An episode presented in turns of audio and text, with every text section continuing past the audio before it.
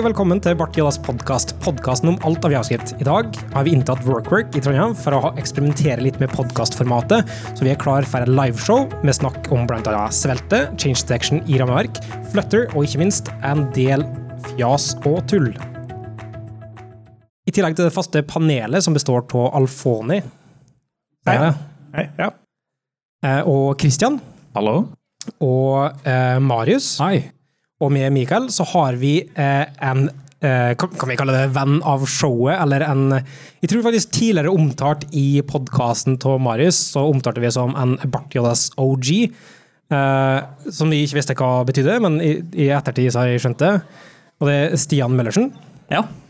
Du var med å starte Bartjodas meetup ja, det blir en år siden, ja. 2013. Eh, og så har du vært en del på, på podkasten fra før av. Ja.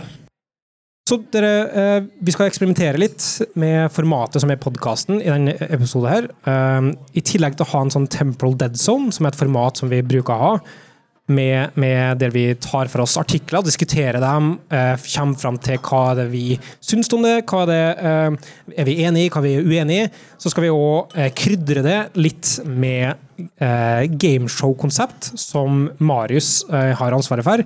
Mye à la tidligere episode som eh, i julespesialen, for dem som har hørt den. Um, Hva betyr egentlig OG? eh, original gangster? Oh. Wow. Jeg vet, eh, det var en heder, hederstittel. Marius, du som eh, først eh, sa det. Jeg slenger meg på i å si at det er original gangster. jeg kjenner det bare som OG. OG. Ja. OG. Ja, Det er gangster, liksom. Ja, da hørte han jo dagens første kleine bit. Og det blir bare verre. Oh, Jeg, tror- yes. jeg, jeg tror ikke det blir gangster med på apostrof, men gangster med Altså, Ja. vi, vi forkorter ikke grammatikken. Um, men uh, Temporal Dead Zone Så vi har, vi har tre artikler som vi skal gå gjennom. Uh, først, første artik artikkel er um, titulert så mye som uh, What every front-end developer should know about change detection in Angular and JavaScript. Nope. React. I React. Um, Ja, det er litt tellende, fortellende at du kaller uh, React for javascript. Ja, det sånn. hoppa vi over. Det er du står i hvert fall. Uh, og så har vi en annen uh, artikkel og en sak som er uh, Rethinking Reactivity, lansert under Svelte 3-release. Og den siste artikkelen er om et generelt konsept som er Flutter, som, um, som da er på flutter.dev. Og, og går på det. Så de tre forskjellige titl, eh, artiklene og innholdet vi skal diskutere i løpet av episoden. Vi starter egentlig rett på det som kan brukes til å bygge opp til neste, neste um, eh, artikkel og sak, egentlig. Og eh, change detection-algoritmer eh, i, i Javascript, og da spesifikt Angler og, og React. Um, er det noen som har lyst til å oppsummere hva det går ut på? Hva er en change detection? Altså, hva blir det brukt til? Hva, hva gjør vi? Jeg kan godt uh, Ta ballen. Jeg kan ta ballen. Uh, Det handler jo om uh, at vi har state i appene våre, og vi endrer den staten, og vi konsumerer den staten. Og det vi ønsker da, er at når vi konsumerer staten i forbindelse med å produsere et grensesnitt, så vil vi også da, når vi endrer den staten vi har konsumert, så vil vi gjerne at det grensesnittet automatisk skal oppdatere seg. Og da må man detektere det gjennom, gjennom en eller annen mekanisme, og det her løses på forskjellige måter i forskjellig rammeverk. Ja, altså, hele, hele konseptet kommer fra utgangspunktet sant, at um, du, du mm, det En applikasjon har ingenting uten at du kan representere en tilstand på en spesifikk måte. Det hjelper ikke bare in, representere en initiell tilstand. Ting endrer seg underveis. Så hvordan skal du gå frem for å endre den typen oppførsel? Hvordan skal du, Når en ting har skjedd som en input, når det har skjedd som en, som en uh, bivirkning fra en annen plass, uh, skal vi reflektere de nye endringene? Hvordan oppdager vi de nye endringene? Uh, og det er forskjellige måter å angripe det på. I, i eh, Angler, som, som har vært Og vi trodde, Kristian, at de hadde gått vekk fra den dirty checking-måten å gjøre det på når de gikk over fra 1.3 til 2, eller hva det var. Men, men de bruker fortsatt den den deteksjonsalgoritmen? Ja, det er, det er en dirty checking-algoritme i bakgrunnen der, men uh, de, de kjører den på en eh, litt annerledes måte. Um, I Angler JD så kjørte vel den eh, bare en slags wild loop, på en måte, og, og kjørte dirty checking så ofte som overhodet mulig. Og det fordi du hadde jo ofte eh, problemer med at eh, det tok lengre tid å kjøre det, og så måtte du av og til trigge specific change detection sjøl på et scope-greie eller noe sånt der. Ja, det var masse, masse greier der. Det har eh, gått litt i glemmeboka, må jeg innrømme. Men hele poenget med change detection, eller med, med dirty checking, er at du, når du endrer en variabel, eller når du endrer en verdi, så sier du uh, den her har blitt endra. Uh, og når en annen mekanisme da sier i ettertid går gjennom og sier skal vi oppdatere, så ser den er den her endra eller ikke. Alle som ikke er endra, den blir ikke oppdatert, men de som, de som har liksom changed som true, de vil bli oppdatert.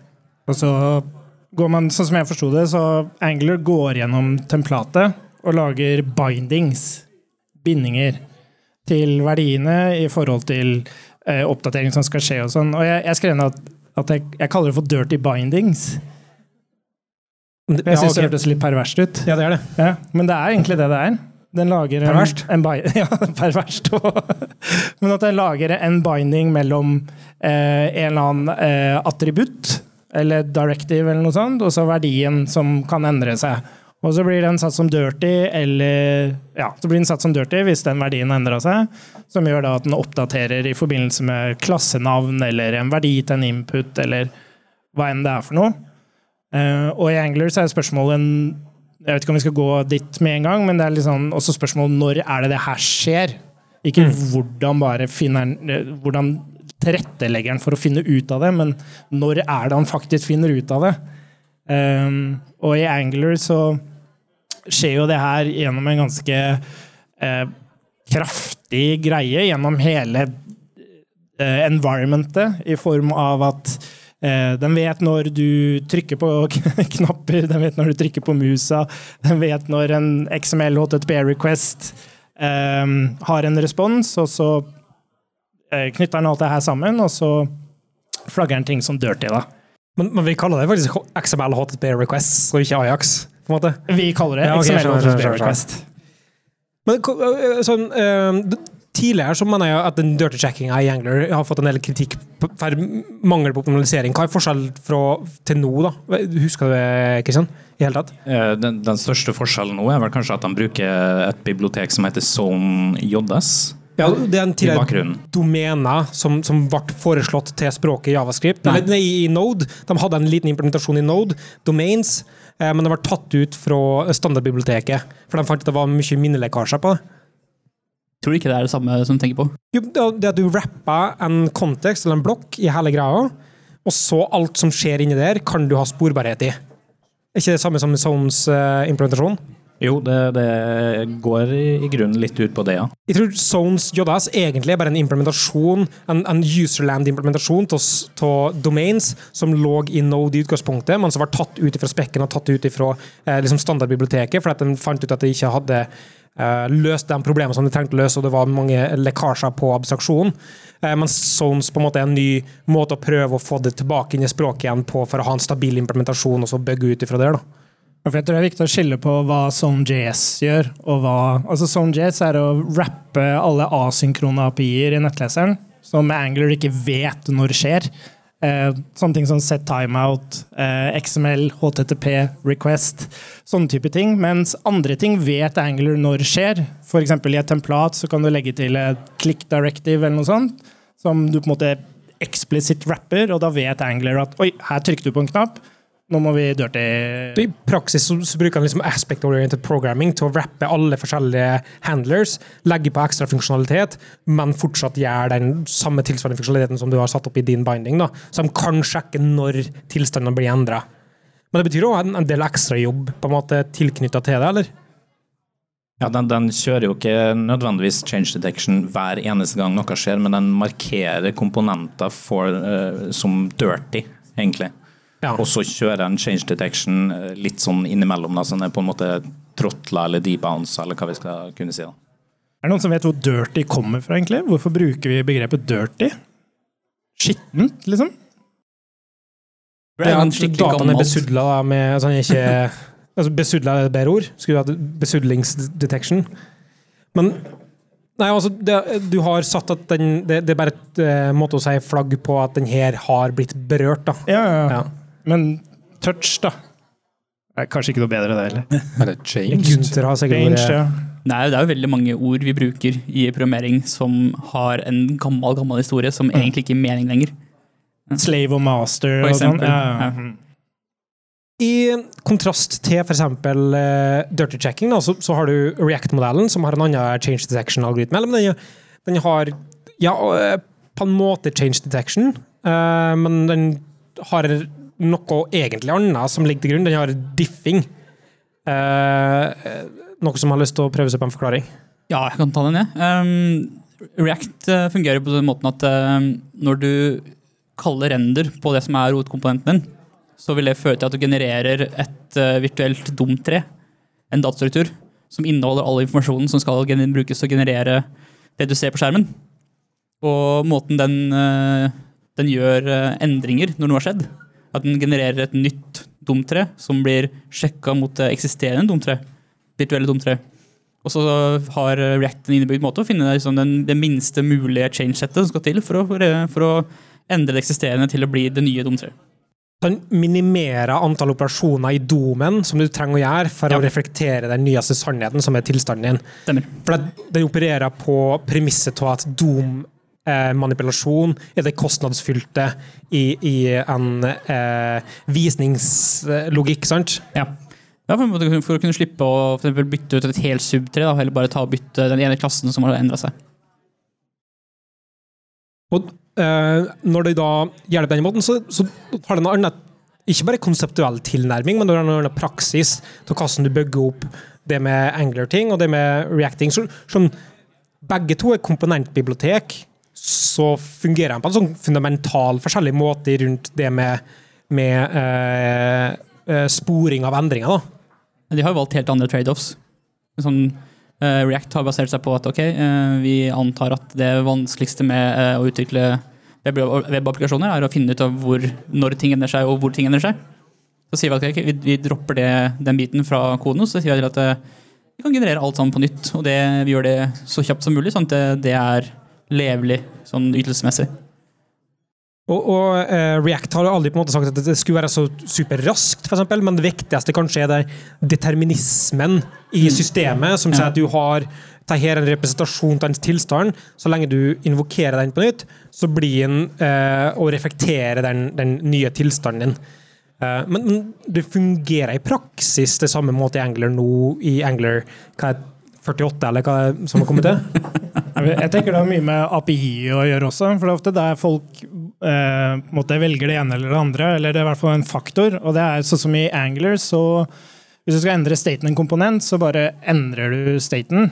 Mens i React så må du være veldig eksplisitt med, Ja, med set state. Og det kan være sånn eh, Altså Vi kan snakke om hvordan ting fungerer, og sånn, men eh, end of the day da, så handler det veldig mye om API man sitter med. Og så kan man argumentere for at eh, visse API-er eh, har konsekvenser. Da.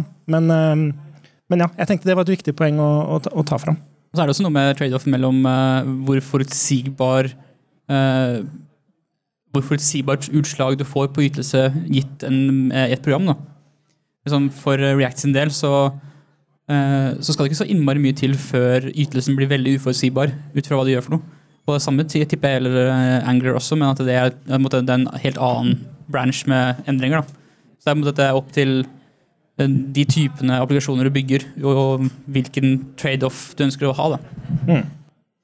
Det som er litt interessant med Angular også, er eh, hvordan de bruker, sånn som forstått hvordan de bruker streams direkte i templatene sine. At du, eh, sånn som med React, så definerer du på en måte verdiene dine og mekanismen for at ting oppdateres og sånn, ligger på toppen av komponenten. Mens i Angular så kan du bruke en verdi direkte i templatet ditt, som er en stream.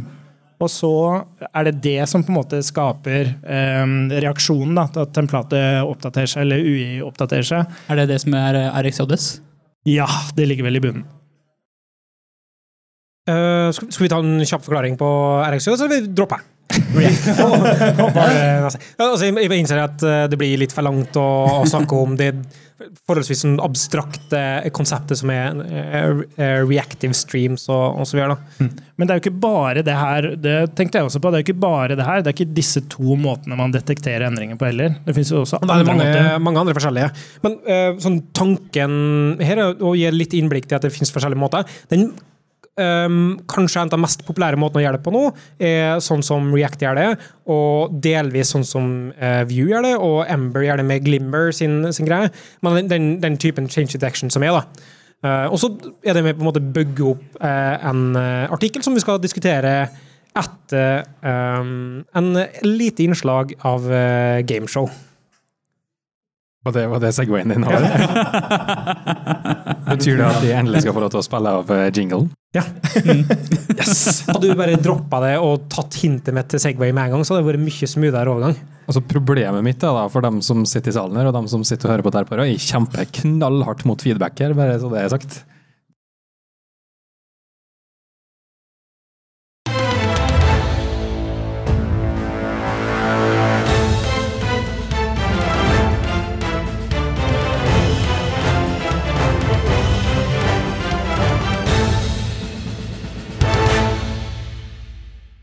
Og da er det klart for gameshow. Bart JS Edition.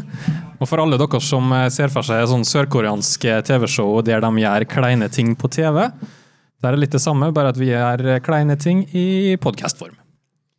Eh, Det første eh, altså For alle dere som kanskje har hørt juleepisoden, så hadde vi en lignende greie der òg, men vi har prøvd å utvikle konseptet litt lenger, prøvd å være litt kreativ.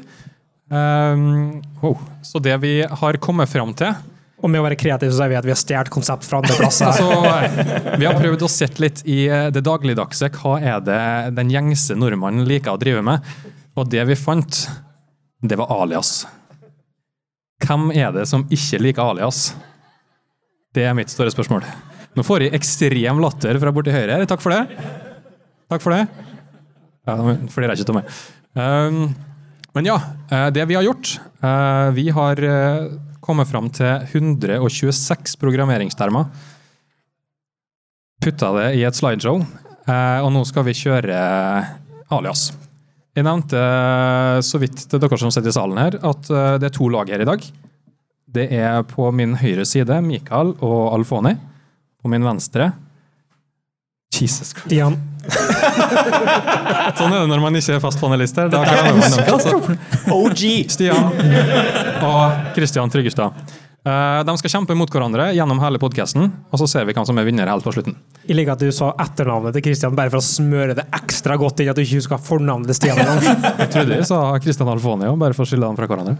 Nei, greit. Ro, ro din båt. Uh, men yes. Uh, men det jeg foreslår, er Kanskje publikum bestemmer hvem som skal starte, da. Alias. Skal de starte? Sa ja, Jørgen. Ja. Ok, da starta min venstre side. Så hvis uh, Stian, kan du gå opp til mikrofonen der? Oi, stikk også der oppe. Ja. Og for dere som har det her på øret, så har vi nå satt en eh, mikrofon uh, midt ute på gulvet, som Stian skal gå opp til. Og baken så kommer det til å dukke opp ord på skjermen som Kristian Tryggestad skal prøve å forklare til Stian. Ok, Så jeg skal stå her og ikke se noen ting? Ja, da. Det er riktig. Ja, okay. Men Og så skal du prøve å gjette hvilket er den her på, da? Nå er den på.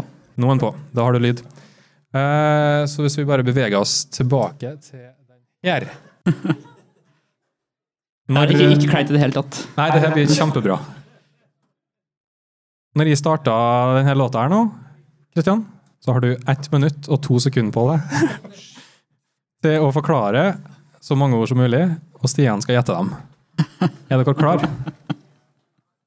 Ja, ja, jeg har lov til å bruke, bruke andre ord enn det som står på Du kan bruke ord, ja. Ja, ja, du kan bruke Ja, ord. men altså, jeg Du kan, kan jeg ikke kan si det på norsk, liksom. Nei, men jeg kan bruke Ja, ja, ja. programmeringstekniske Ja. ting. Bare ikke si det ordet der, verken på norsk eller på swahilsk eller altså. Ja. Klar? Yes. Ikke if, men Else. Oi sann. Uh, ja. Uh, du har en tekst, og så skal du ha ut uh, noe som er på slutten av den teksten. Hvilken funksjon bruker du da? På slutten av teksten. Ja. Last. Nei Det, det er lov å si pass, men det gir to minuspoeng. OK, vi sier pass. Oi. Du har en, eh, har en liste med ting, og så skal du finne ut om eh, en spesifikk ting finnes i den lista. Da har du en funksjon. Include.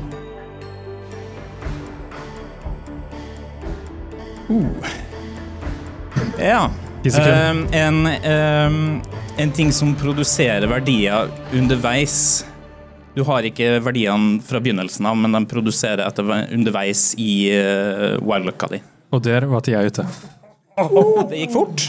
Ett minutt går overraskende raskt. 126 ord. Ja. Jeg tror det endte opp med Var det to riktige? Det var to rett, men minus to, så da er det oppe på Null. Ja, det, det, glemte, det glemte vi jo. Det glemte vi å si. Hvert riktige svar gir ti poeng. Nei, nei, fem, sa jeg. Fem poeng. Ja. Oh, ja. Hvert pass gir minus to. Og hvert lag holder oversikt over sin egen score, så her er det fullt mulig å jukse. Åtte poeng, da. Jeg husker, jeg husker deres score, så det går bra. Da foreslår jeg at du, Mikael, går opp til den stående mikrofonen. Ja, jeg gjør det. Har du Ja. Mhm. Kommer det sikkert mange lette på rad her nå?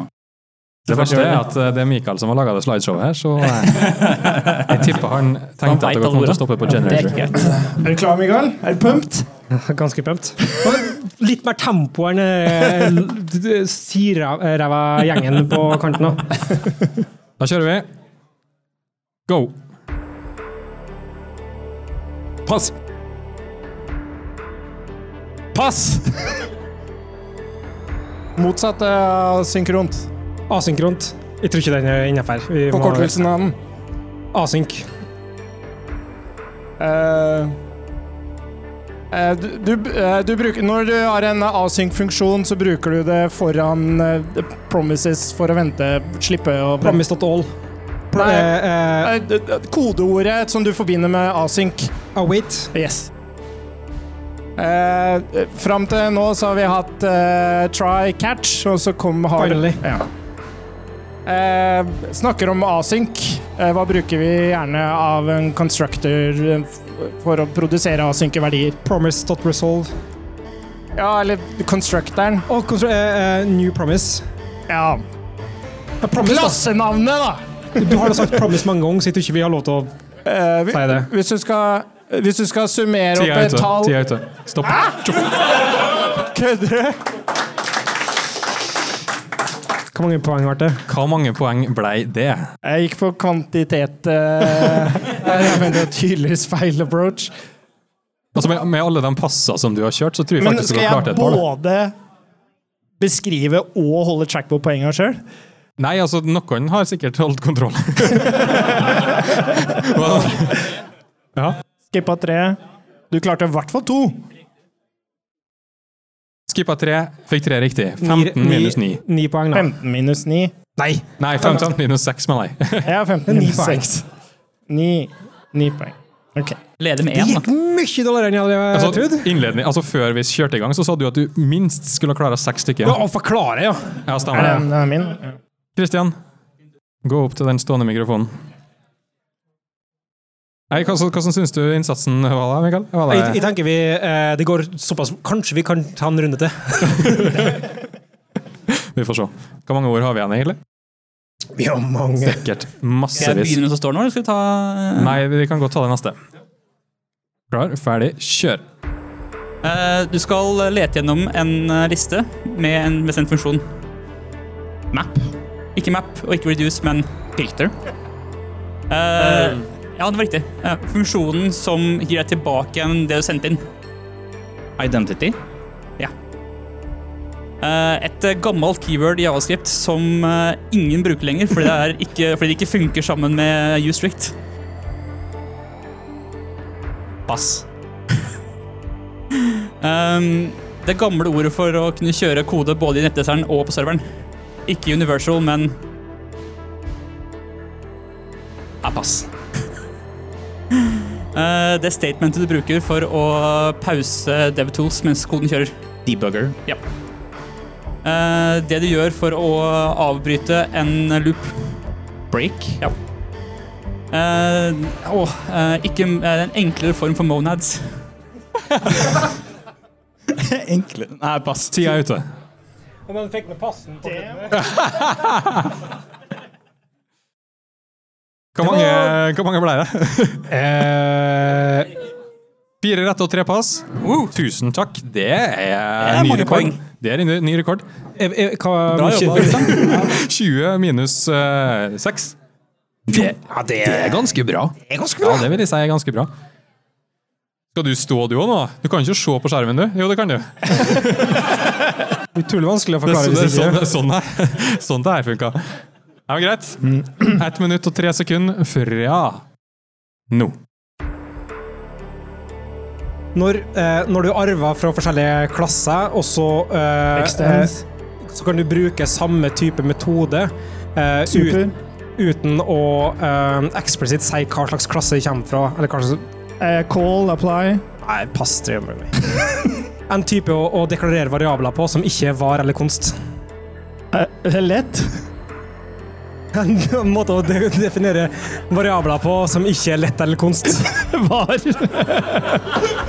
I det tilfellet eh, Det, det er podcast, eh, podcastkonsept som vi har, det vi forklarer i artikler. Eh, temporal dead zone. Takk. Når du er kaller en altså. funksjon, eh, men du kan bytte ut invokasjon til en funksjon med resultatet av den invokasjonen. Du har det ofte i rene funksjoner. En gang til. Fort, fort. Når du, når du har en ren funksjon, og så invokerer jeg den, Ja. så har du et konsept som heter det her. Det at du kan Factory Fact... Nei. Ja. Tida er ute. Hæ? Det går, det går mye fortere for oss. Ja. Tre riktige og to miss. du ikke bare sitte fancy ordet som alle som skal vise at de er smarte? Hvis du tar mikken Ja, din, her, Kristian, så har vi, får vi faktisk Sånn, ja. Hvis du hadde sagt det fancy ordet alle bruker for pure function Nei, men altså, Det er forskjell på en pure function og en referential transparent function. Altså, ja, men det er konsept- Hver gang alle som snakker om De kan bare Kan si en funksjon som tar en input og returnerer en output. Og så sier man pure function er liksom én level opp, og så har du det siste er liksom referential transparency. Det er sånn derre Skal dere krangle meg nå, eller skal vi bare gå til neste artikkel? fikk vi? ja det Jeg fikk eh, to, to bom og tre riktig. Nei! Jo, jo, jeg telte opp underveis. Ja, Men da er vi fortsatt på 11, da. Så er ikke? Tre rett og to. Ja. Ja. Ja. Ja. 11, 9 pluss 11 20. Hei, vi leder. Vi har 22. Hei, hei, hei, spennende. Og med det så foreslår jeg egentlig at vi går til neste artikkel.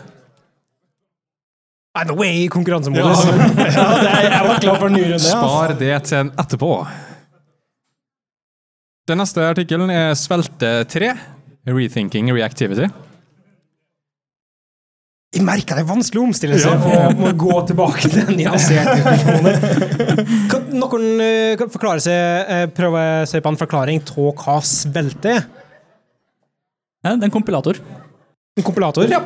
Enkelt og greit. Men eller, en- enda sånn større eh, spesifisering av det, at det er, er å snu litt på hva et rammeverk kan bety, med å se på at jo, vet du hva, vi kan, vi kan flytte det fra et rammeverk til å være i runtime til å være i buildtime. Ja.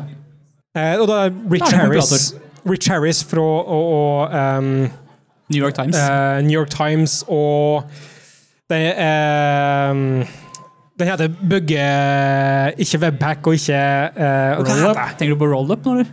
Rollup, roll ja. Takk. Som, som uh, lagde egentlig svelte for Nå er det sikkert tre år siden det først eh, Ja, siden. kom. Nå har nettopp versjon 3 kommet med en helt nytt API. Men det er et komponent-framework på samme måte som React, på samme måte som uh, Vue. Men du har flytta kompleksiteten over til å skje i build time. Ja. Hva, men hva betyr det? Det betyr jo at du, tar, eh, du kjører statisk analyse på koden. Finner ut eh, hvor alle tinga som skal endre seg, eller eh, som skal eh, som, som trenger å være reaktive. Hvor, alle de, hvor alle de tingene er. Og så genererer du kode som setter opp det call-treet for deg. Det, det jeg tenker som er interessant her, er at vi snakker om React, som krever eh, set state for å trigge på en måte endringsdeteksjon. Og så har du Angler med sin Zone.js og bindings og sånn. Mens eh, Svelte krever at du, du assigner. Du kan ikke bruke push eller splice eller sånne type ting. Du må assigne nye verdier til variabler for at Svelte skal forstå at ok, her så må det trigge en deteksjon. da. Ja, for det er Men, det, men det en måte det change ja. detection-biten av det. Men, men jeg tenker før vi kommer dit, så bør vi, bør vi utforske litt mer hva det betyr at det er en kompilator. I stedet for, også hvis vi, hvis vi legger vekk litt sånn framework-nessen av det, så er den største differensiatoren en av at det er i større grad precompiled. Men hva er det som konsekvensene av det er? Ja, konsekvensen er at du, du slipper egentlig å tenke på uh, størrelsen på rammeverket i like stor grad. Da. For du kan putte all mulig funksjonalitet i en kompilator, men det er bare den funksjonaliteten du faktisk bruker, som blir putta ut i en endelig bundle. Og Det er jo sånn, det har vært uh, styrende prinsippet for Svelte hele veien. Og så generere så lite kode som mulig. Jeg, jeg vet ikke om Er det egentlig sant at den genererer så lite kode som mulig? Eller uh, lar den det skrive så lite kode som mulig? Nei, det er ikke mest at den skal generere så liten, liten Nei, som mulig. at, men det, det stemmer nå ikke, for den, den eksploderer nå eh, kildekoden din dramatisk. For eksempel så har de ikke en måte å Det er forskjell på kildekode og det du faktisk ender på å shippe til slutt. Jo, men det, mener, altså, det, er- ok, Kildekode den minimerer dem, men den som de kompilerer ned til, som du sender til nettleseren, den er maksimert. For der har du for eksempel, Hvis du skriver en komponent, så reproduserer den den komponent-overheaden for hver gang. Eh, og Kildekoden blir ofte mye lengre enn det du skriver på den sjøl, men den er mye enklere, den er mye mer imperativ og den er mye mer Ja. optimalisert. Og så I tillegg så kan du gjøre smarte ting. Altså for eksempel, eh, hvis du har avhengigheter mellom reaktive verdier, så kan du generere et sånn såkalt eh, topologisk call-tre, som sørger for at eh, de basede basedepensene du har, vil bli generert først, og så vil du måtte følge på for alle, alle de, de, som er, alle, de, alle de andre verdiene som er avhengig av de tidligere verdiene. Da. Det er en del sånne ting som du kan gjøre når du har, kan gjøre statsanalyse på ting. Da. Men i, i praksis også var det brukt som at du har òg eh, uavhengig av rekkefølge av assignments og uavhengig av rekkefølge av eh, eh, expressions som du har i koden din, som gjør at du kan definere ting lenger opp, og så kan det være avhengig av ting lenger ned. For at hele greia er topologisk avhengig i stedet for eh, eh, Altså avhengig av eh, eh, eksekveringsrekkefølge, da. Ja. Men han nevner jo, når du er inne på det, han nevner jo også det her med at eh, hva er på en måte framtidens devicer? Og det er klokker, og det er små datamaskiner i sensorer og sånne type ting.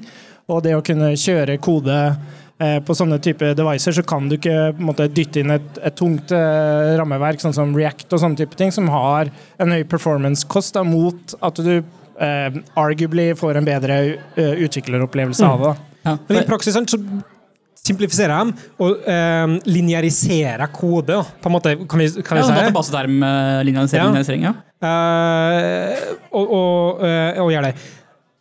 Så Men det, det finnes andre alternativ som er inne på samme, samme tankegang, eller er dette en sånn revolusjonerende ny tankesett? Jeg vet egentlig ikke. Altså, men ting er at det her er jo ikke Det er jo ikke kanskje en ny teknologi sånn egentlig. Folk har jo tenkt på kompilator og minifiers og, og så um, dette skrittet enda lenger Ja. for frameworks. da. Ja. Men, du, men uh, det du har, er nå prepack. ja. Det er jo, det er en, det er jo sånn, det er en slags innliningsverktøy, egentlig. Mm. Men hvordan ligger det prosjektet an egentlig? Er det veldig sånn Litt sånn gimmick? Er det realistisk? Eh, Sånn, litt av greia er jo at det, det er jo skrevet for bruk i den konteksten som han Rich Harris befinner seg i, som er liksom det å skrive kode for eh, nettaviser. Datavisualisering for nettaviser. Og det er jo en litt sånn interessant kontekst, for det er ganske annerledes veldig mye annet. Altså, den ligner jo ikke på en webapp i det hele tatt, fordi du nesten til enhver tid så lever du inn i konteksten av noe annet. Du er hele tiden avhengig av å ha full isolasjon. Du skal gjerne kunne levere så lite kode som overhodet mulig. Det er, det mange sånne begrensninger som kanskje ikke finner i en del andre kontekster. Det er mye mer optimalisert for visualiseringsløsninger. Og, og av Ja, og, kjapp, og kjapp feedback, ikke sant? Ikke Ja. mer, fordi uh, det, det han, han bruker som begrunnelse når han introduserer hele greia si, da, i en uh, artikkel og i en talk som følger med, er jo at uh, change detection eh, som en runtime-operasjon, det, eh, det har et performance-tak. Og, Sånn, og derfor har vi egentlig snakka litt om change detection tidligere. da, for Det er mye sånn runtime-operasjoner som går i og det å finne ut om en verdi endrer seg. Ja. Det er liksom De facto-måten vi har nå, kan vi arguably si er, er virtual dom. Som blir Ja. brukt mye i, Ja. i mange forskjellige plasser. Og der har du, en, du har på en måte et, et, eh, et groove der da, som vi ikke kan gå gjennom, fordi du er nødt til å generere et virtuelt domtre. Og det, er det som eh, avgjør hvor performant det er er hvor, måte, hvor kjapt kan du generere domtre, og hvor, er, hvor kjapp er diffing-algoritmen din. Hvor mange snarveier kan du ta. Men det du unngår da med Svelt, er jo at du, du slipper å generere det her domtreet, fordi du, eneste du gjør, er at du, hver gang noe endrer seg, så vet du nøyaktig hvilke, hvilke ting som er avhengig av den endringen, og så kaller du bare de direkte. Det er ikke noe overhead med å måtte, detektere changen og så sørge for den blir propagert. Da. Men det, jeg tenker det er litt interessant det med at sånn som man argumenterer med mindre devices og sånn, men mindre devicer betyr jo også mye mindre grensesnitt, som betyr mye mindre behov for diffing og Ja. performance på det, den den ja, måten. og det her er også litt sånn tilbake til det her med at du lager kode for å måtte leve i nettavi- nettaviser. Da, at du, du i mye mindre grad har disse her store webapplikasjonskodebasene hvor du har masse routers og eh, change og bytte views og liksom, du har masse sånne store, store kompleksitet greier. Ofte så er det snakk om liksom litt mindre ting som har færre views og liksom Og du kan jo fortsatt fucke det helt opp. Du kan bare dra inn moment, og så pakker du det ikke riktig, så er du, er du fucked uansett hva slags rammeverk du har ved siden av. i sånn hele argumentasjonsrekka til Rich Harris i, i materialen han skriver og har snakka om, og sånne ting, så, så snakker han om ehm, Nei, uh, hvordan introduserer vi bugs? Jo, vi introduserer bugs med å skrive kode. Hvordan reduserer vi mengden bugs vi skriver? Vi skriver mindre kode. Men han snakka ikke egentlig noe om at vi outputter mindre kildekode. Vi outputter mer performant kode, men ikke mindre kildekode i utgangspunktet. Nei, altså det, det kommer jo an på som, um eh, når, når er det du tar igjen uh, rammeverket da, med den uh, ekstra genererte koden? Liksom I et lite eksempel så vil du kanskje ha mye mindre kode fordi du slipper å dra med deg hele React, versus å bare rappe de få variablene du har i det Svelte-eksempelet. Men så på et eller annet tidspunkt så vil det her krysse hverandre. ikke sant? Du får et, et, et, en case hvor all den ekstra rappinga som eh, Svelte genererer, den vil ta igjen det React eh, kommer med. da. Ja. Jeg må, jeg må si jeg liker utrolig godt konseptet, og jeg tror hele utviklinga av sånn um, Egentlig hele eh, mye av en uh, frontend-verden beveger seg mer og mer i kompilatorteknikksfæra. Det blir mye mer helt fra ES-lint og Babel og sånne ting, der du snakker om AST-er og verktøy, og det blir mer og mer avansert, og det blir mer og mer som computer science i det. Ja. Så det er en sånn neste steget, der du tar det inn i rammeverksverdenen. Ja, fordi du har jo sett en trend her holdt på lenge. Alt fra critical CSS eh, og prepack som var inne på i stad. Liksom alle de tingene her som, Så du får mange gode verktøy i Ja. lag med. Ja. Og da, så utrolig interessant konsept. Men jeg liker ikke abstraksjon. Men er det, er det, er det syntaksen abstrasjon du ikke liker, eller er det på en måte Konseptet av altså, Hvis du har sett på det som kun et komponent, komponentrammeverk, Ja. så liker jeg ikke måten det er bygd opp på.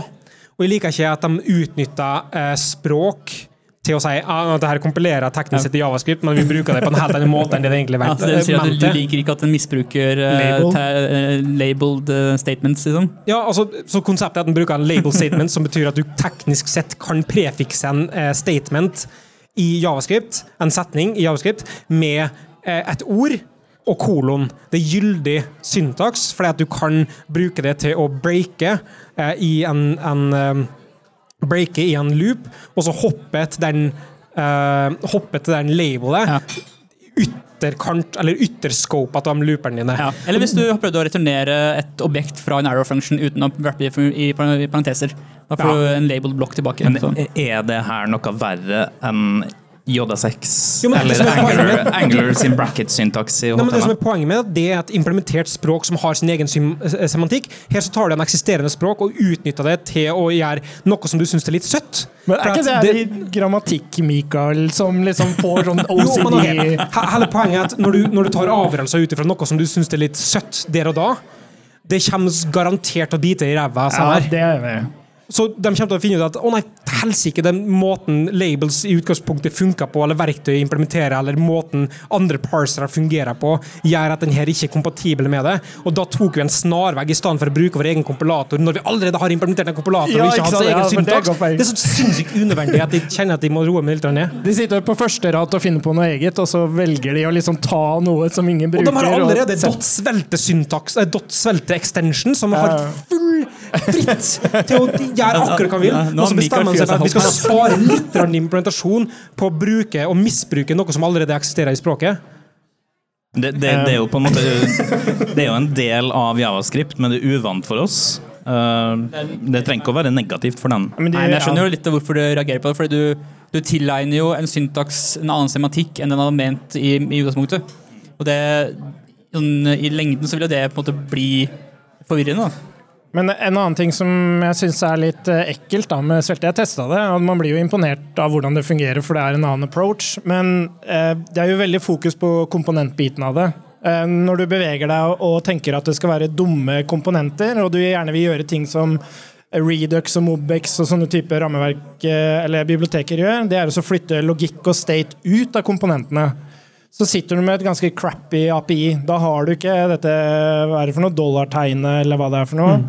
Eh, da sitter du og på en måte lager readable og writable, så du getter og du setter og du eh, updater og subscriber. og da, blir plutselig opplevelsen ganske dårlig. da. Men sånn, sånn ting som f.eks. svelte med det API-et og de eh, observable reactivity med dollartegn-labels-opplegget, det bryter sammen med en gang du har referanser til andre ting. Eksempel, hvis du oppretter en funksjon som tar et argument, og så sender du den variabel inn i den funksjonen, så bryter du hele konseptet. Så du kan ikke mutere et objekt i en funksjon som har et annet navn enn det den opprinnelige eh, objektet har, eller en shadowa variabel, som betyr at du kan ikke bruke funksjoner for å sende verdier mellom seg. Og det kan hende at jeg eh, ikke kan å bruke sveltet, som gjør at det, det finnes en løsning på det, men jeg prøvde å google og sjekke ut hvordan det funka, men det viser seg at du det virker som at du kan ikke ha reaktive verdier som argumenter til funksjoner, for du endrer identifiers og du endrer scope, og da vil du ikke ha den sporbarheten til reactivity. Men det, men det er jo en ganske grei måte å komme seg rundt det på. da. Du, du bare assigner outputen til funksjonen til en ny reaktiv variabel. Ja, eller, eller så må du eh, behandle alt som globale variabler, sånn som det ser ut som det du må. Det er at du har en script-blokk på toppen, og så blir alle dem som du har definert på det globale nivået, lekka ned i, i implementasjonen som om du skulle skrevet racer views. Nei, du vil nok ikke, jeg tror ikke du trenger å, du må jo ikke ha globale variabler, fordi variablene vil ha scopa til den komponenten de eksisterer i. Ja, Den blir global for den fila som du har i å, gjøre. Og så hvis du har var A på toppen, Ja. Så vil A være tilgjengelig i templeten din nedenfor. Ja, men det er fordi at den, den vil også kunne bruke kompilatorevnene sine til å oversette en annen til noe som er uh, unikt og lokalt for den, den uh... Jeg tenker ikke på at det blir globalt på tvers av applikasjonene dine, men ja. Men eh, du, bare hvis Rich Harris sto foran, Harris sto foran deg nå, hva hadde du sagt da? Hei. Men det er et, det er et velkommen prosjekt til de grader. Ja, helt enig. Ja, det var bare det jeg ville det, det får jeg si at jeg syns konseptet er utrolig interessant. Ja. Eh, og jeg er utrolig spent på å følge med på utviklinga av den typen tankesett, og tankesett er utrolig bra. Eh, eh, min personlige preferanse er en annen abstraksjonsnivå, da. Eh, en annen ting som er min personlige preferanse, er eh, BBC Brit og Pointless. Ja, en veldig fin måte å få siste ord i diskusjonen på. Liksom bare Marius iherdig gestikulerte bare kjente lufttrykket. Prøver å gestikulere under bordet her, men så bare blir det ikke lagt merke til. Ja, men eh, Veldig spennende diskusjon, men eh, vi har, eh, Men er nok. et, eh, vi, har, eh, vi har en plan å forholde oss til, som vi har sprengt allerede. Men vi bare gjør sånn som det her er.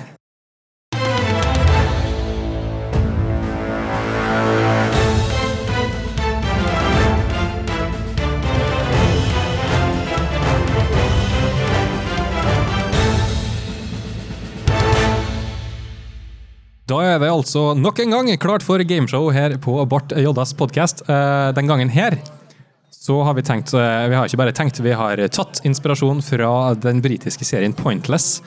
Eh, mange er Sander og Richard. Uh, nå går du litt dypere enn det jeg har satt meg inn i, men uh, for dem som ikke har eh, sett på Pointless før, så er det en serie der de spør 100 briter, jeg, tror det er briter, eh, et spørsmål. Ta for eksempel eh, det eksempelet jeg har brukt så mange ganger før allerede, når jeg har prøvd å forklare det, som er nevn eh, så mange Spice Girls-låter du klarer på 100 sekunder. Og så er det 100 mennesker som gjør det, og så er det et panel av folk som skal da prøve å finne den Spice Girls-låta som ingen nevnte. Det har vi gjort. Uh, ikke med 100 briter, heller ikke med 100 mennesker, uh, men det publikummet som er her på Workwork i dag. Uh, Men ble det 100 Spice Girls-sanger, da? tro det eller ei, det Nei. Eh, So, men vi har, er vi, vi har gjort det med programmeringsting. Så da får vi se hva bra det blir. Altså Det som er verdt å nevne, da det her er, altså, Du kan si det sånn, Jeg er så glad i for at det ikke kom uendelig mange mennesker i dag. For det å aggregere opp eh, det her dataet her Det er den dummeste ideen jeg har hatt på denne sida av 2000-tallet, tror jeg. Men jeg fant en ekstremt god løsning på det. Og det var faktisk å kopiere alle svarene eh, inn i eh, sin eget spreadsheet, og så bare kjøre kontroll F, eller CMDF for dem som er på Mac, da, og bare søker etter det dere svarer. Så får jeg automatisk opp hvor mange det er. Det er den beste ideen jeg har hatt på denne sida av 2000-tallet. Jeg liker at du regulerer alt etter 2000-tallet. på en måte.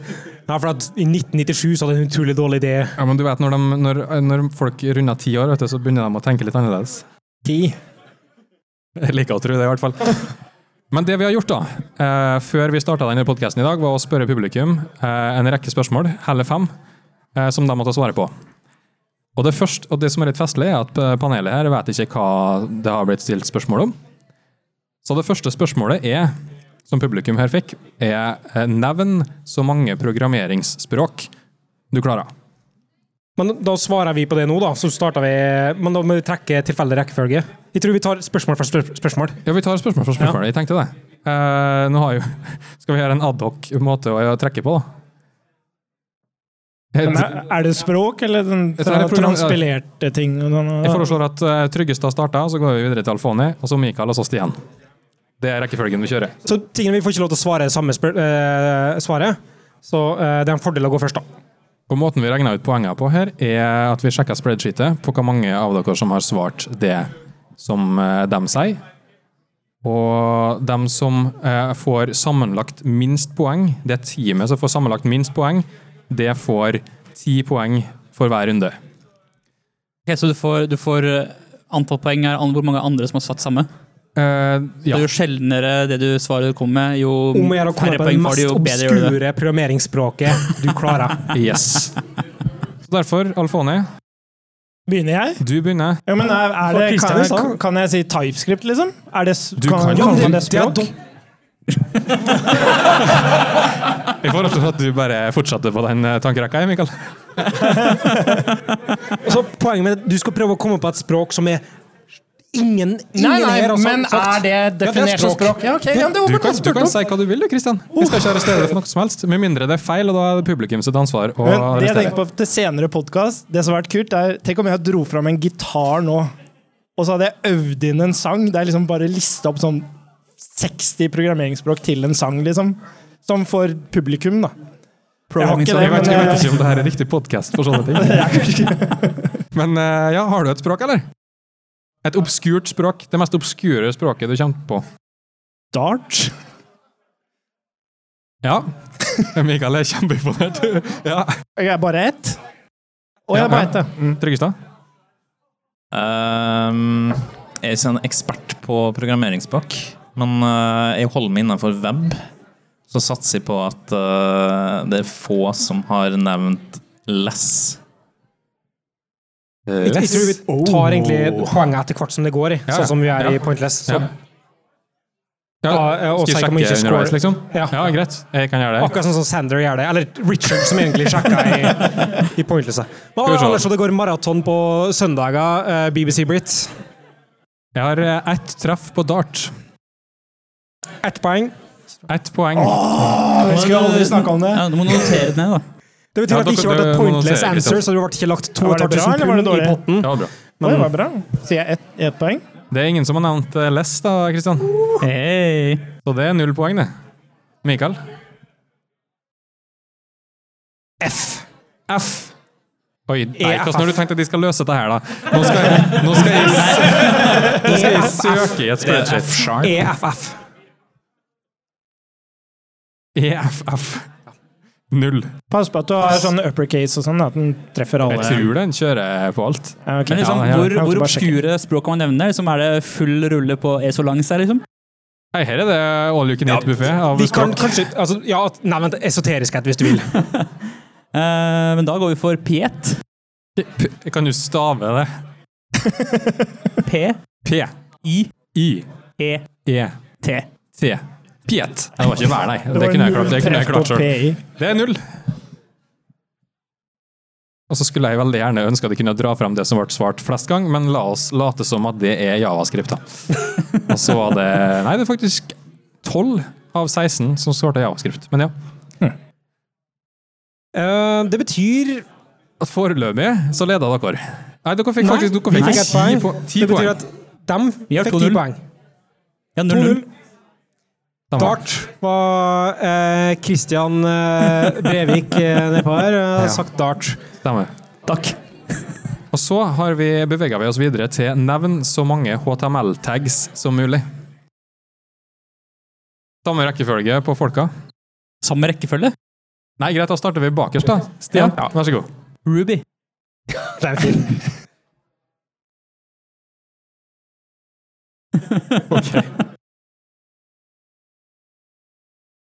Ann. Nei! Ann stykk har svart det. Det er Noen som har sett på MDN, det garanterer jeg. Da blir det vel Mikael sin tur neste.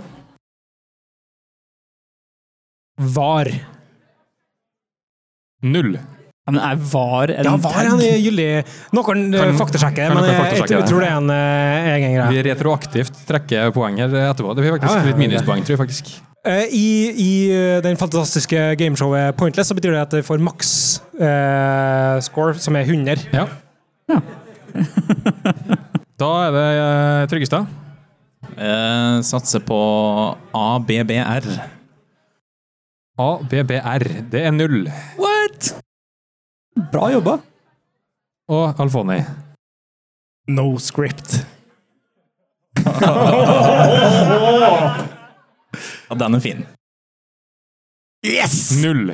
Det er null. Har dere faktasjekka om var en uh, Det er det, ja?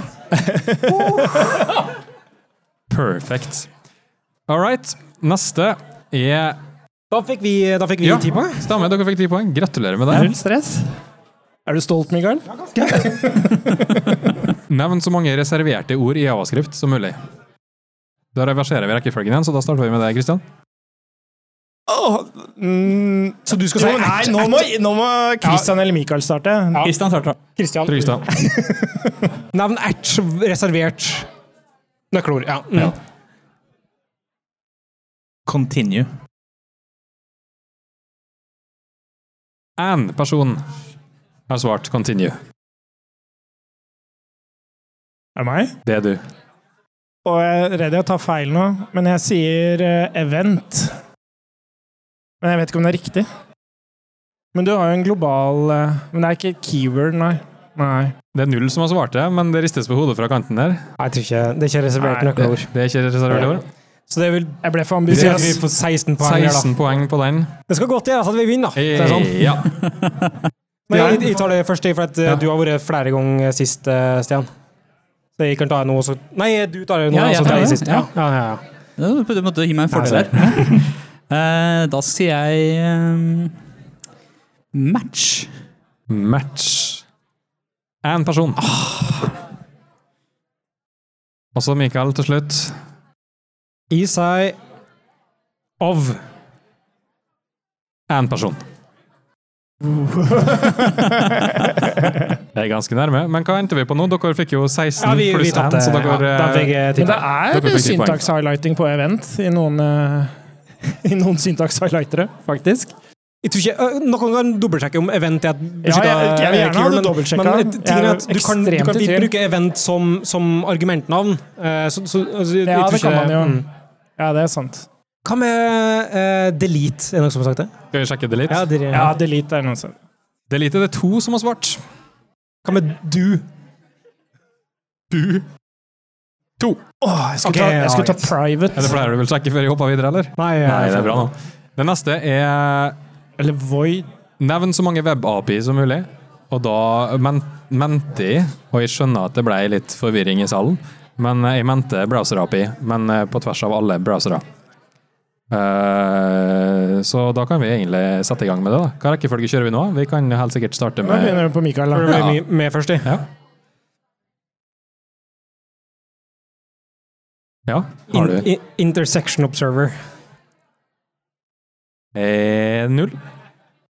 Tror du? Hæ? Ja. Hva er det den gjør for noe? Sjekka når du intersekta. ja. Ja, det er null.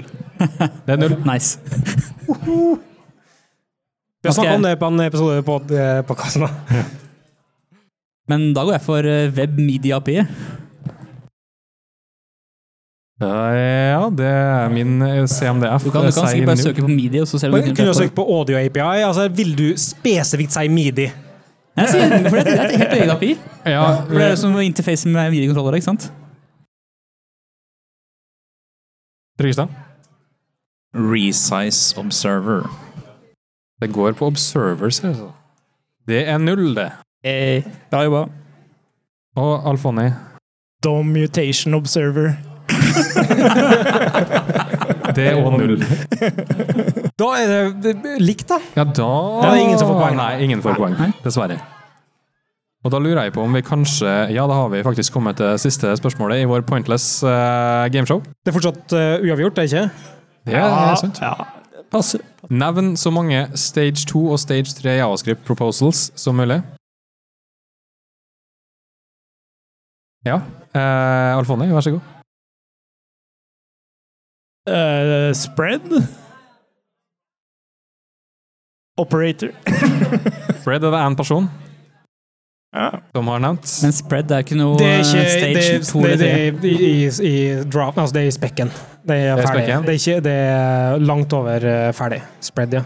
Spread operator. Men altså, uh, spread operator er det, men den som er i eh, spek 4, proposal 4 stage, er eh, object spread, som er en annen spekk enn den originale spread operatoren. Ja, da ble det 16 poeng, da. Men eh, når du snakker om spread operator, ja, Er det er ja, sant, det. Stian? Eh, skal vi se ehm, Match. Match. Null poeng på den. Tryggestad? Um, får satse på at uh, Decorators har kommet så langt da, i prosessen. Nå har vi jo ingen faktasjekk på at de faktisk er i stage 2 og stage 3, da. Men uh, Decorators er ikke nevnt. Nice. Dobbel null igjen. Hva hadde du, Mikael? Jeg fulgte ikke med. Nei. Du var helt opptatt med å diskutere andre ting. Mikael? I uh, stage 3 Stage 3 eller stage 4? Nei, to, to, to, eller tre, eller mener jeg. To eller tre. Hva har de sagt, da? Det, det får du ikke vite, faktisk. Ja. Nei, eh, det er greit, det.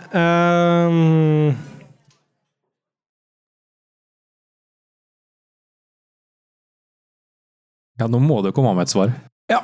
det blir da Men det, det er stage fire, det, vet du, som jeg tenker på nå. Men eh, jeg, jeg tenker på eh, OK, la oss si eh, eh, object initializers, altså objektvariabler. Det er null. Ja, men det, det heter noe Ja, spesifikt. som- har du et som, eh, eh, skikkelig navn på det? eh, Det heter um, an, hva Nå mener er vi på alias nå, føler jeg. Ja. Nei, men altså object, det, det det, object, altså det er variabler, objektvariabler, sant? Der du har eh, en eller annen identifier er lik en eller annen expression.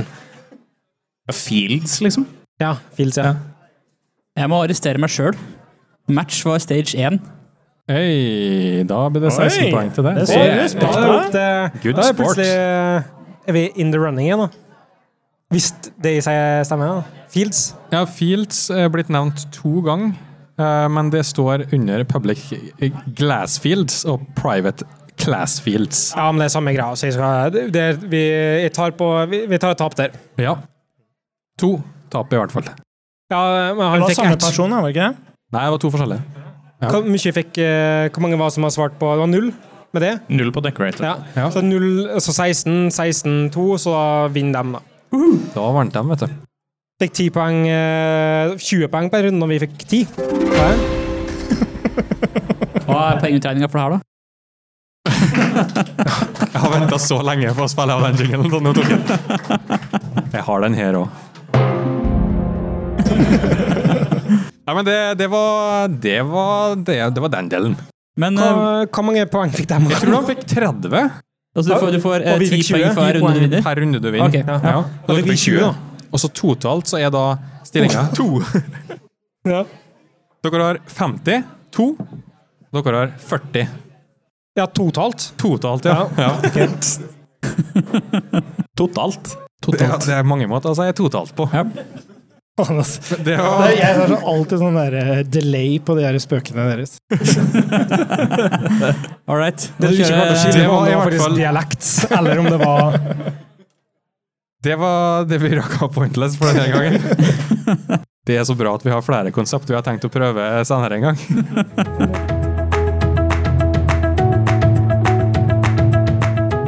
Da er vi tilbake fra pausen, eh, og vi har da to segmenter igjen. Vi har en diskusjon om eh, siste artikkelen, og så har vi eh, siste, som, som så mange nå i publikum har sendt inn forslag til. Og det vi skal snakke om, denne artikkelen, er noe som Alfone har vært lidenskapelig opptatt av. Eh, til det punktet at de lurer på, nå når de har blitt frilansutvikler, om hva mye han får betalt fra Google for å prøve å presse inn det her i, i podkasten. Men, men det er, er Flutter, som er på en måte Kan vi si det er Googles alternativ til React Native? Er det, er det fair? Ja, det tror jeg. Um, og du hadde ingen artikkel, du hadde bare en øh, Kjærlighetserklæring. Ja. kan vi snakke om uh, Flutter? Det, det tar av uh, for tiden. Ja, det, takk. Um, og, og det gjør vi. Uh, de så- begynte å sette meg inn i dokumentasjon, de har mange videoer, uh, så videre. Men kan du som har argumentert så kraftig for at det her er den uh, nye store tingen, hva, hva er det for noe? Eh, Det er som du sier, det er et rammeverk fra Google. Um, og man kan sammenligne det med React Native, eller er det Samarin det heter? Fra Microsoft? Xamarin og Samarin Forms, som er liksom rammeverksbiten av det. Um, der man skriver i, uh, i språket Dart, som også kommer fra Google. Uh, for meg som ikke har så mye erfaring med forskjellige språk, uh, men kommer fra TypeScript i webverden, så var det ikke noe overgang i det hele tatt. Det var egentlig noe av kanskje bakgrunnen for forelskelsen. Men en annen ting som også var bakgrunnen for forelskelsen, er at det er inspirert av React. Så man bygger opp eh, grensesnitt på samme måte som React, bare at man har ikke JSX-syntaks. Man kaller på funksjoner. ehm, der de kaller det for widgets istedenfor components. Eh, men det som kanskje var den store forelskelsen, det var bare opplevelsen av det. Eh, hvordan du setter deg ned, du har eh, en IOS-emulator, du har en Android-emulator, du kan smelle inn telefonen din med en USB-kabel. Og så skriver du kode, og når du lagrer, så poff, så er det framme. Og trykker du skift R, så refresher den også staten. Da. Så det du essensielt har, er eh, verktøyer og eh, utviklingsmiljøet fra weben, og, og alt den positive siden som den kan bringe med seg, over i native eh, environment, som betyr at eh, Og som eh, mange vil si kanskje har slitt litt med liksom, feedback-loopen på utviklinga, som gjør at det, det er tungrodd å utvikle fra native for at du må kompilere på nytt, og så er det vanskelig å få til det i simulatoren, og i hvert fall i Android, der du emulatoren er utrolig treg og ja. Og det er sånn, weben, har har blitt, weben er jo ganske fantastisk i forhold til utviklingsopplevelsen. Altså bare det med bygging og hot reloading og hvor raskt det går og sånn. Eh, og så har på en måte weben prøvd å gått eh, native, altså med type React Native og sånn. Og så har native på en måte prøvd å lære fra weben. Og det her er første gang jeg har Ikke det at jeg har masse erfaring, jeg har prøvd litt React Native, men det her er første gangen jeg har sett eh, de liksom har eh, Altså for å si sånn, De leder gamet nå, da, det er jeg ganske sikker på. Men så jobber selvfølgelig både React Native med ny arkitektur. Du har Samrin jobber sikkert med, med sine ting. Men uh, det her er the shit. Ganske sterke ord der, altså. Ja, ja. Kan du ikke få det betalt for å si det? Jeg har så problem med å skjønne hva er som er på en måte hjertet her til det shit, mens ting som eh, eksisterer fra før, ikke er eh, det shit. Nei, jeg sa det jo akkurat, jeg har ikke så mye erfaring med andre ting. så jeg håpa jo kanskje jeg, jeg kunne blitt utfordra på det, men for meg så er det sånn eh, Det er så grunnleggende det her med den utvikleropplevelsen. Det er her at ikke du møter masse sperrer. Og de har Én ting er liksom det her med hot reloading og sånn, men de har på en måte forstått det her med hvordan man uttrykker grensesnitt. Alt er inspirert av webteknologier. eh, I, I form av CSS og sånne type ting. Man uttrykker rows og columns, og man har alignment i forhold til sånne ting. Og, eh, eh, bare, eh, det er første gang jeg på en måte har gått fra web til native og følt meg hjemme. Du, du kom til meg en dag og, og skrev at uh, Å, det, det er så digg Nei, jeg orker ikke å prøve fortsatt. Eh, eh, nei, det er så digg. eh, De bruker webstandarden eh, i stedet for å ha sine egne abstraksjoner. Og så pasta vi en kodesnutt som var utelukkende ikke webstandard. Nei, da har du misforstått meg.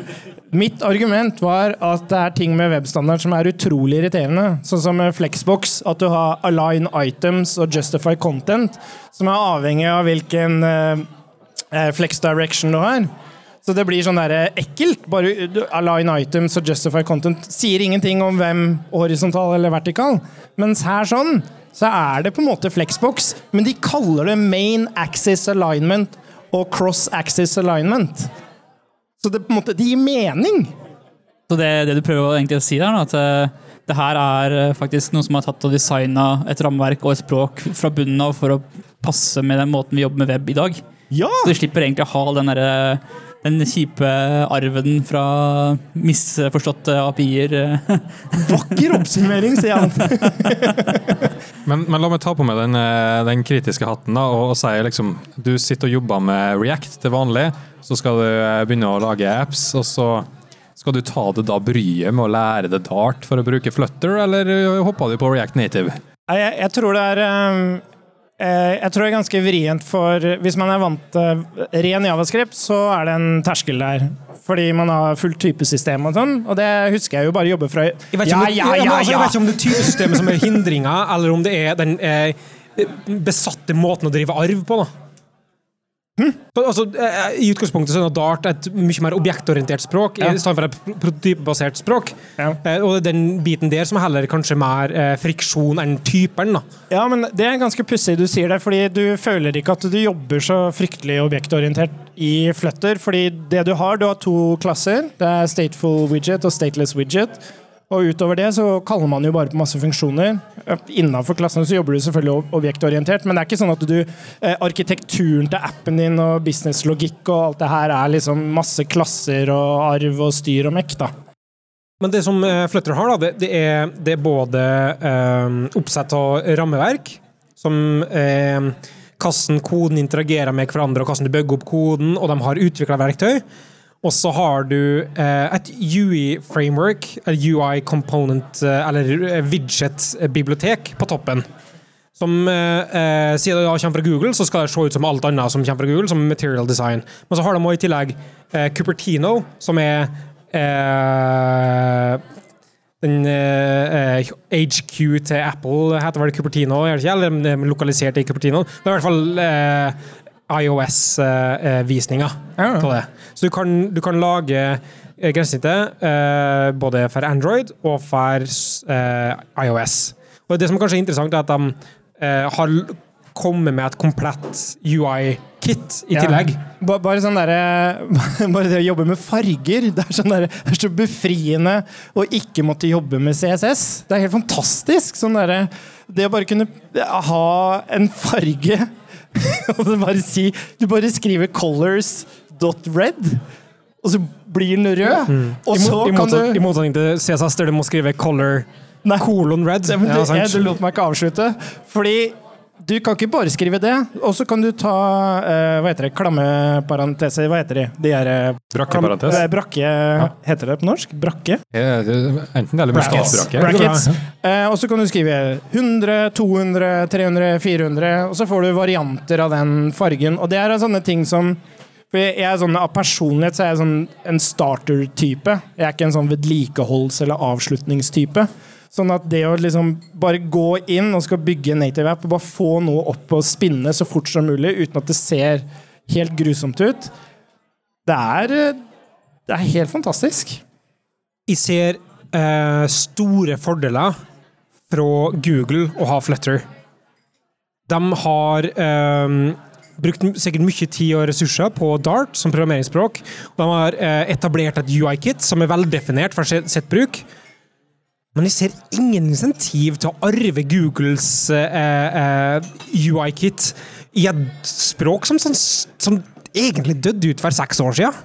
Hva det som bruker Dart nå? De prøvde å introdusere Dart med Angler, gikk ikke særlig bra. Og så prøver de nå igjen med Flutter, som ble starta i 2017. Jo, men altså, om man Jeg driter i hvilket språk det er. Altså, at jeg... men det er noe med investeringsgrunnlaget som du gjør. da. For Du må faktisk ikke bare lære deg en plattform, eller du må ikke lære deg et UI-kit, men du må lære et helt eget språk som eh, Hvis du ser på det på en måte fra overblikksperspektiv, da, så er Flutter nå den eneste store mainstreame tingen som bruker Dart, som betyr at du må lære deg Dart per det spesifikke men jeg tror det er litt sånn OCD at når du liksom ser et nytt språk, så må du lære deg alt og sånt. Det her er ikke å lære et språk, det her handler om å lære Det Det er jo friksjon i når du lærer deg ting. Jo, men du skal bygge widgets. Du skal ikke lære deg dart, du skal lære deg flutter, og jeg vet at det her er en sånn Åh, er man en programmerer, eller er man ikke en programmerer, på en måte, hvis man ikke lærer seg hele språket? Men for meg så handler det om å være produktiv og kunne produsere noe og prototype og få ting ut. Og sånn sett så er Flutter bare helt fantastisk. Stian flirte på kanten. Ja, jeg bare ble så, ble så eh, altså, jeg ble, jeg ble rørt av engasjementet deres. Altså, jeg, jeg lurer på om du har havna i litt sånn sunken cost fallacy, nå at du har bare investert så mye tid i Flutter at du bare må evangelisere for det. Jeg kan Nei, altså, jeg tror at eh, Coffee-kontoen til Christian Alfoni har fått en del ekstra donasjoner fra Google, som er den blir tvunget til å reklamere for det. Ja, kanskje det. Nei, Eller, er eller kanskje det bare er en bra ting.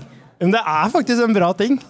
Det er sånn Det er verdt å snakke om det. Ja. Kanskje ikke så entusiastisk, men det er verdt å snakke om det. Men jeg, jeg kikka litt på dokumentasjonen fordi eh, Alfaldi liksom var så entusiastisk for det. her. Og det er jo, det er jo et godt designa rammeverk og språk. Det er jo liksom det, det, Du skjønner hva greia er, og sånn, eh, ting gir mening, ting henger sammen. På en helt annen måte enn du ville gjort med weben i dag, for du har liksom så, mange, så mye legacy-greier. Så jeg skjønner jo helt klart at det er at det går an å se på det her og se at det, shit, ass, det her var bra greier. Og det syns jeg er helt greit. Det er fint. Det, er sånn vi lærer, sånn vi går fremover. Og så er det veldig annerledes fra den verden jeg er vant til med React, der du har på en måte React i bunnen, og så bygger du opp alt selv. Og det kan ofte være akkurat det du trenger. Men det er den første opplevelsen jeg har hatt der eh, jeg på en måte hoppa inn i noe stort uten å miste meg sjøl. Det var nesten sånn eh, Men, men altså, du har eh, tilsvarende UI-kit i f.eks. React Native. Du har tilsvarende UI-kit i f.eks. Xamarin Forms. Og eh, Fuse så har du vel også et UI-kit på samme måte.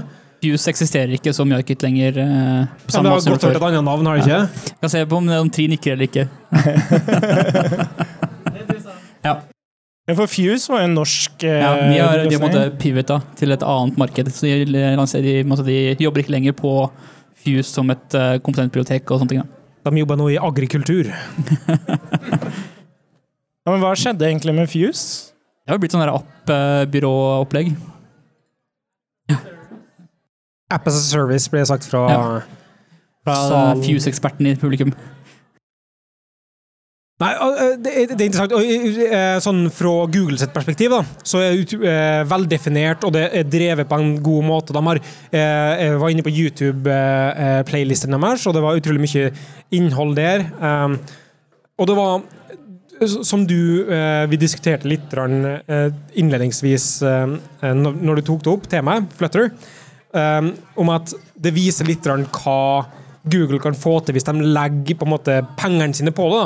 Og, det, er det er egentlig et testamentet her, for de har fått et veldefinert eh, dokumentasjon som er Altså, det er på linje med for eksempel um, eh, si Microsoft Documentation, da. hvis du ser på det oppdaterte der, så er det vel dokumentert, og det er på en måte samme struktur, og det er en sånn type uh, uh, um, dokumentasjonsgreie.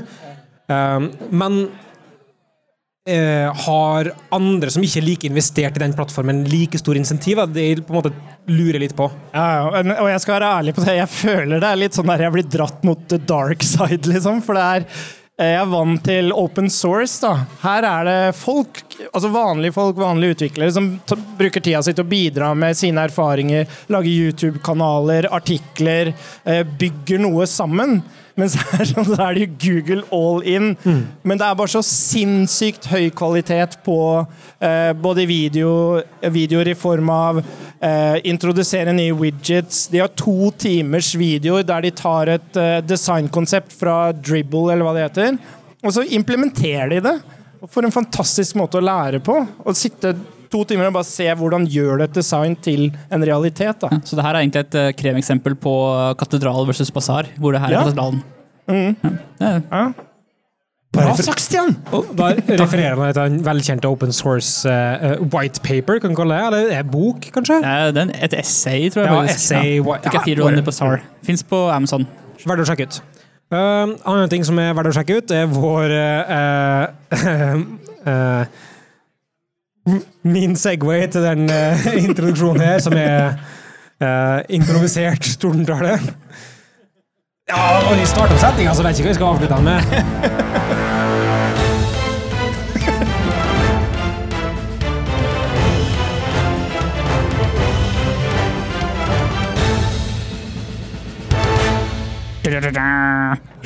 Da er vi kommet til eh, podkastens og liveshowets siste segment. Som er den som kommer til å gjøre mest vondt for alle andre enn meg. Det er tordentale. I pausa som vi hadde her i stad nå, så ba vi eh, publikum her i salen om å komme med forslag til eh, tordentaler, eller titler på tordentaler, egentlig, som kan holdes. Det som egentlig var planen her i dag, var at jeg hadde forberedt fire titler som jeg skulle ha på storskjerm her. Jeg hadde aldri sett for meg i min villeste fantasi at det skulle komme så mange forslag. Altså, jeg, jeg ser på minst 115 stykker. Det er podkast. det kan jeg si bare fordi det er podkast. Um, men hvis jeg kan få låne capsen din, Mikael, så kan jeg putte alle de her lappene oppe i eh, Jeg vet faktisk ikke om det er plass i capsen din her. Skal vi Det er en liten lite haug. Ja. En fin kombo av at det er litt mange lapper, og du har litt lite hode. Men du har klart å fylle veldig mye i det du har, da. Um, det, problemet nå er hvordan i alle verdens dager skal vi avgjøre hvem som starter? Eh, tja? Jeg stemmer egentlig for at uh, Mikael skal få lov til å vente til Nei, du skal få lov til å vente til slutt, faktisk. okay. ja. Nei, men er sikker på det. Eh, det verste går først, kanskje. Tror du det? Vi tar, tar det på alder. Ok, la oss uh, trekke, da. Eldst først. Best først. Eldst først. Eldst først. Ja. Det er Alfoni, da, i så fall. Ja, vi tar det. Vi tar det Ja, tar det, tar det først. Alfoni? Ja. Vær så god, da kan du gå opp til den uh, stående mikrofonen. Nei, du skal få trekke mens du står. Minst mulig tenketid. Må jeg faktisk reise meg òg, bare for at Er du klar? Hallo? Det du nå gjør, er at du trekker, Nå skru på mikken. trekker Ja, du trekker en lapp fra denne hatten, og så leser du tittelen høyt, og så setter du i gang umiddelbart. Regler forstått? Ja,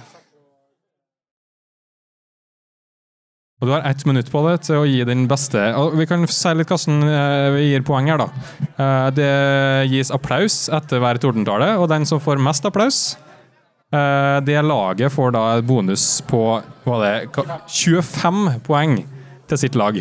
Det, det kommer til å avgjøre. Så det vinner eller forsvinner. Så da tenker jeg egentlig bare at Alfoni, når enn du er klar, kjør.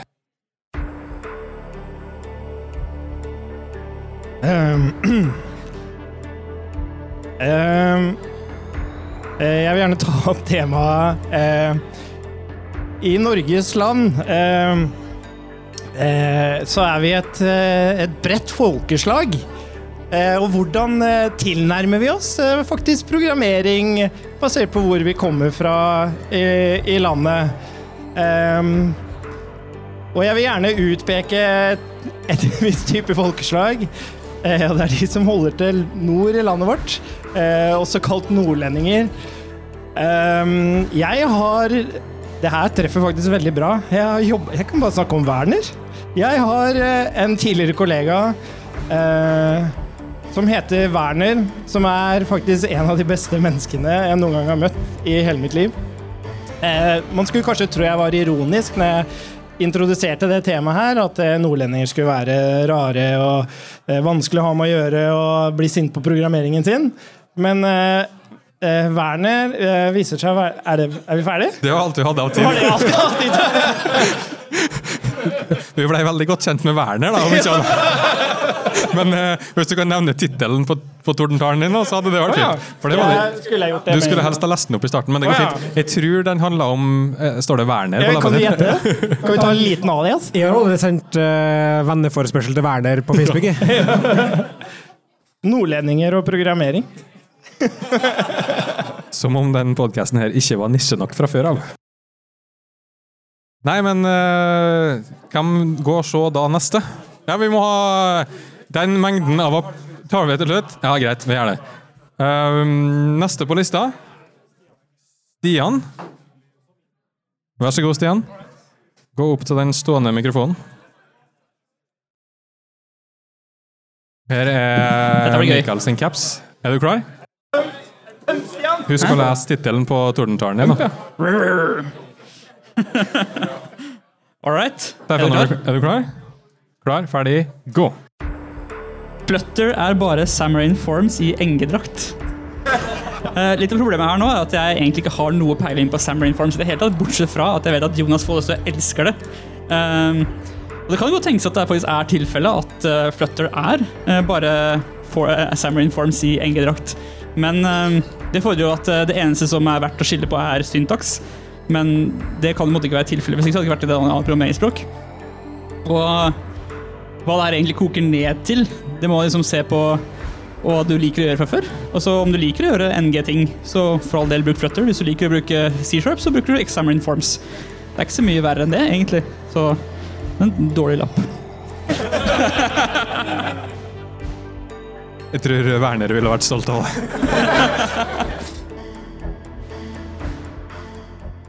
All right. Tryggestad? Kristian tar den. Hva tema er det egentlig du kunne ha tenkt deg, Kristian? Noe enkelt. Ja. Helst om programmering, om, eller helst om nordlendinger. Eh, Programmering helst, ja takk. Ja. Trekk en, trekk en hatt, skal du si. Trekk en lapp. Vær så god. Dark versus light theme. Ja, jeg er vel kanskje en av tilhengerne av eh, dark theme. Eh, rett og slett fordi at det ikke brenner så hardt i øynene. Eh, det finnes jo mange forskjellige dark og light themes, da, så det, jo, det går jo an å stå her i evigheter og snakke om det her, egentlig. Eh, man må rett og slett bare finne det themet man liker. Uh, Senest i dag faktisk så var det noen som posta uh, et uh, Visual Studio Code-theme på Slack. Det var vel kanskje Mikael? Det var veldig pent. Det var dark theme med glow. Det fikk jeg faktisk veldig lyst til å prøve, men eh, det så ut som at det var litt sånn pes å få det i gang, så det bare blei ble aldri noe av. Uh, hva annet kan man si om dark og light themes, da? Uh, ja, den ene er dark, da. Rett og slett. Takk for meg. Kjempeflott, Kristian. Du toucha veldig bra på dark, ikke så veldig på light, egentlig. Jeg tenker meg om. Mikael. Sist. Det er nesten fristende å be deg om å trekke to lapper og merge dem til én, men eh, vi holder oss til reglene. En gul lapp fra capsen. Jeg er klar. Er du klar? Da kjører vi. Må jo lese høyt, da. Så eh, tittelen på min eh, lyntale, eller tordentale, i dag er eh, noe jeg er utrolig engasjert i. Og det er Ruby is the future, eh, even if you like it or not. Og eh, i motsetning til det mange tror, som er at Ruby er på en måte fortida eh, i programmeringsspråk og har hatt sin periode, eh, og på mange måter er passé, så vil jeg argumentere for at det ikke er sant. Du har ehm, fått eh, et språk som har dynamikk, og det har ekspressivitet, og det har måten å uttrykke seg i stor grad i fatta korthet, som noen ville sagt at er uleselig, men ehm, det betyr nå i hvert fall at de kan spare tegn når de skriver det. Uh, og som, som vi har etablert tidligere her i podkasten, så er det ikke så utrolig viktig hvem som skal vedlikeholde ting, eller hvem som skal fullføre prosjektet. Men det er utrolig hvem som skriver det, og hvordan du kan få hurtighet til å få resultat så fort som mulig, uten å i utgangspunktet tenke på konsekvensene av det du gjør på langsiktig hold. Og der syns jeg at Ruby treffer en utrolig fin og smal linje, som er at du kan få uttrykka det på en bra måte, med mye syntaks, og uten at du øh, trenger å i det hele tatt tenke på hva andre syns om koden din. Um, Jeg tror, jeg tror jeg egentlig må bare avbryte det. Jeg har, trykt, jeg, jeg, jeg har rukket å trykke på knappen tre ganger allerede, så det er liksom Det er bare et testament til hva flott Ruby. Last ned. Uh, metaprogrammering er òg en ting til Ruby, men det har det jo i Javascript. Ok, da skal vi prøve å kåre en vinner her. Eh, og det har vi valgt å gjøre med den uh, Eller gjør, som de sier på min dialekt òg. med den eh, enkle måten å ta applaus fra publikum. Vi tar det i rekkefølgen eh, folk starta. Så de som mener at uh, Christian Alfoni ga den beste tordentalen, gi en applaus.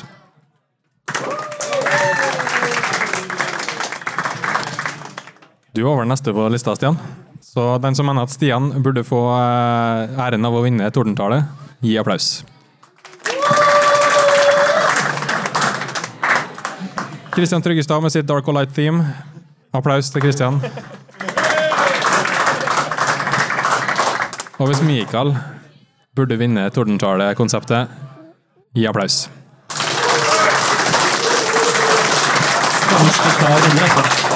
Jeg tar det, jeg tar det som mye seier, jeg. Du kan til og med få en uh, jingle på kjøpet. Det betyr at uh, du, Mikael, er vinneren av Tordentale-konseptet vårt. Og som gir laget ditt uh, 25 poeng. Som egentlig betyr Altså, at vi fikk det poenget? Ja. Oh, ja. Jeg tenkte å dra opp kompleksiteten i Werners personlighet og sånn, ja, men altså, eh, ja, ja. Har Werner en måte, backstory? det var på en måte ikke tid til å ta det opp. Nei, jeg skjønner. Jeg gleder meg så, så sjukt til origin-storyen til Werner. Jeg vet, Han er helt fantastisk. En av de kollegaene jeg har lært mest av. egentlig mest på en måte eh, Ja, OK. Trenger ikke gå inn i det. Ja, ja.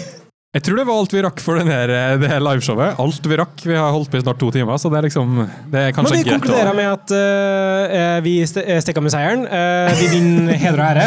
Ja, og du skal få capsen din tilbake. Det er jo en seier i seg sjøl, det. Det er en seier for oss også, det. Ja. Men da gjenstår det egentlig bare å si eh, takk for at du hørte på. Så høres vi i neste episode.